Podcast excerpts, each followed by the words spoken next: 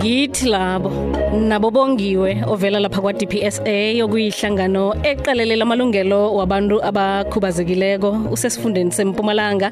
Kanti ke uzositshela ngeniqabo abanazo njengaboma abakhubazekileko ngenyanga leka Hoboy owazi ukuthi inyanga yabafazi eSouth Africa ke sizwe ke ukuthi ngesikhathi se COVID-19 kukhambe kabunjani ke labo ihlangothi? Lochani sesibongiwe. Eh yebo bosinjani ngibingelela nebalaleli. Siyathokoza ukuphi wenzani eh ngalesi sikhathi se Covid. Vane sibuzane nje ukuthi umuntu usese right.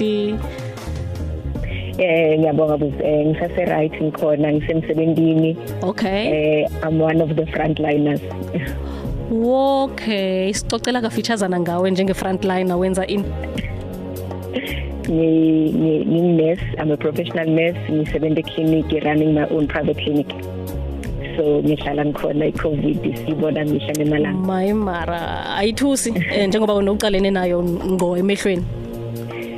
Um ayithusi kangako isikhathi sebusika kuyabanza umkhuhlane khona iCovid umkhuhlane asibe warm stay at home sigeze izandla njengoba kushiwo sichubeke sifake ama mask Ngikuzwa kuhle. Ene kuba um yi challenge ngokwayo ukuthi kusikhathi semgomani vele vele ivele ikhona imgomani.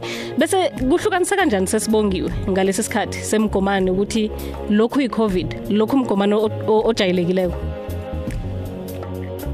Eh kuba likhunyana ukuthi ukhona ukuhlukanisa makusaqala ngoba bonke kuvele kuba kuvela nema sign emkhuhlane lo lesijwayele Mm. eh bese imehluko kuba ngilokuthi le utoshisa kakhulu lokudlulelako kunale mkhuhlane lesihlala siba nayo. Nemtimba ngendlela wendeka ngakhona utoluza i-taste ukuthi awusakhona ukuva ukuthi hayibo manje sengidla ini kumbe liphunga selinjani. Lokho lebese kukhombisa ama-sign lasahlukile kunalo walomkhuhlane lesijwayele Alright. Asiragele phambili ke ngesihloko sethu sanamhlanje sisesibongiwe sethokoza ke njengabasebenzi bezempilo nenza umsebenzi oqhakathekileko abanye abodokotela nabo nesibakhethe ukubeka phasi. Kuyatsho ukuthi wena wasayina wayisayinela lento wathi noma kubudisi kangangani ngizokuragela phambili ngokuwenza umsebenzi eh, uzima ngibizele wona. Kunenicabo ezikhethekileko ezicalene nabantu abakhubazekileko ababoma ngalesi sikhathi se-covid. Eh ihlala ikhona kwin oh ngicala ngokuthi happy women's month kubomake. Eh si celebrate inyanga yabomake kuhlala kunema challenges la khona. Nyalo sikulesikhathi se COVID-19 bomake labakhubatekile ngicabanga ukuthi they are facing more challenges kakhulu ngoba labanye basebenzisa ama wheelchair badzinga lo muntu lotawuhlala naye ngaso sonke isikhathi.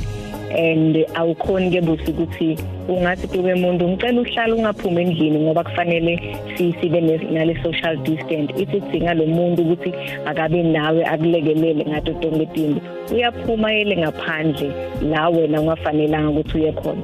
Angisho siyathi ukuthi i-COVID-19 i-affecta nebantu labane immune system le low so uthine lesikhubatekile already especially lesikuma wheelchairs eh, i-immune system already ayisebenzi kahle. Nemaphaphu wethu abasebenzi kahle ngendlela lefanele. So kuba likhunyana ke ukuthi umtshela njani lo muntu la kusitako ukuthi ungaphumeli ngaphandle phela asihlale khona la endlini njengoba kumele sihlale endlini makungekho lokubalekile lesikudingako boma ke ngicabanga ukuthi akusibo make kuphela but kulesimo bantu labakhubatekile in general ba we are facing a difficult time ngoba sifanele sihlale endlini siyabadinga labantu labasilekelelako labangahlali nathi la endlini ngaso sonke isikhathi. Uzakhumbula ukuthi omunye uma akusinguye okhubazekileko kodwa namntwana amgadako. Omunye uthathelwa i-treatment umntwana ngalezi nkhathi ze-covid njalo njalo. Konke kusakhamba kuhle msikilelo hlangothi nebasathola konke ekufaneleko. Abantwana banabo autism abanamagulo alawulwako eh namkhana ama-condition alawulwako njalo njalo. Um angeke kwafana nalendlela besingafisa ngayo. Angisho naletinye izinto lekumele ngabe siyatithola i-focus leni ibe ku-covid. Bese letinye tetinto tonke sekusalele emuva kancane busi ngoba eh nasetibhedlela kusebenzeki ngalendlela lejwayelekile eh lemaklinika abasebenzi ngalendlela lejwayele ngayo. Kunalokuthi kwamele ufole ngaphandle ulinze utawugcina atholakale lo make makasaye kolanzi treatment. Utolinza isikhathi leside kunaloku bekujwayelekile if angayidanga nalomuntu lokhubatekile so kunema challenges la khona but lokubalekile kwamanje ukuthi sonke sifuna ukuthi sindlule kulesimo sibone le covid inqobo nangambala uthini ke kiboma ke eh, bonke abakhona ekhaya balalele ngalesi sikhathi. Uhlala nomuntu okhubazekileko namkhana nguye yena ngokwakhe okhubazekile. Kuzasala sowufaka wonke umuntu okhubazekileko ukuthi aqalane njani nalesi sikhathi esibudisi se-covid-19 eh asiqale busi ukuthi ukukhubateka akusi akusicaleliso eh bayibo athi ukuthi kulesikhathi namanje sibukane ne COVID-19 isikhathi lesimatima isiyandlula. Asibambisane asichubekeni ngalendlela besenda ngayo.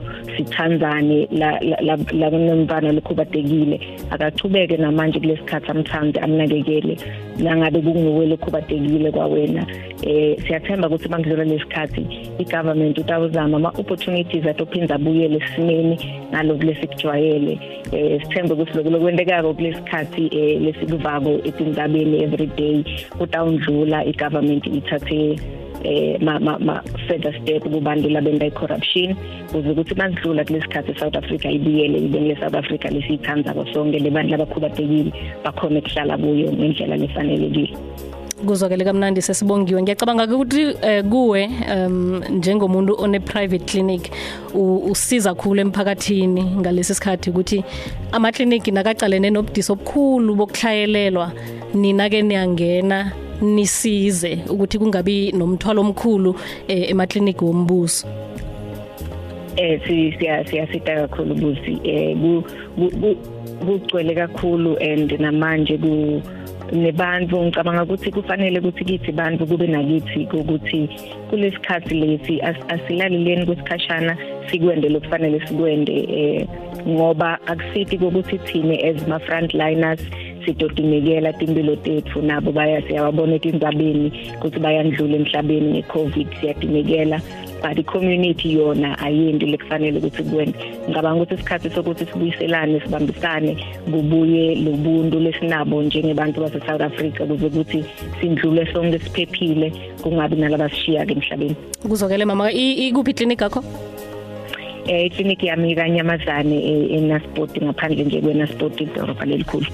Ngikuzule mama. Siyathokoza ngitsho? Ngiyabonga ukuthi ube nesikhathi lesihle. Nawe god.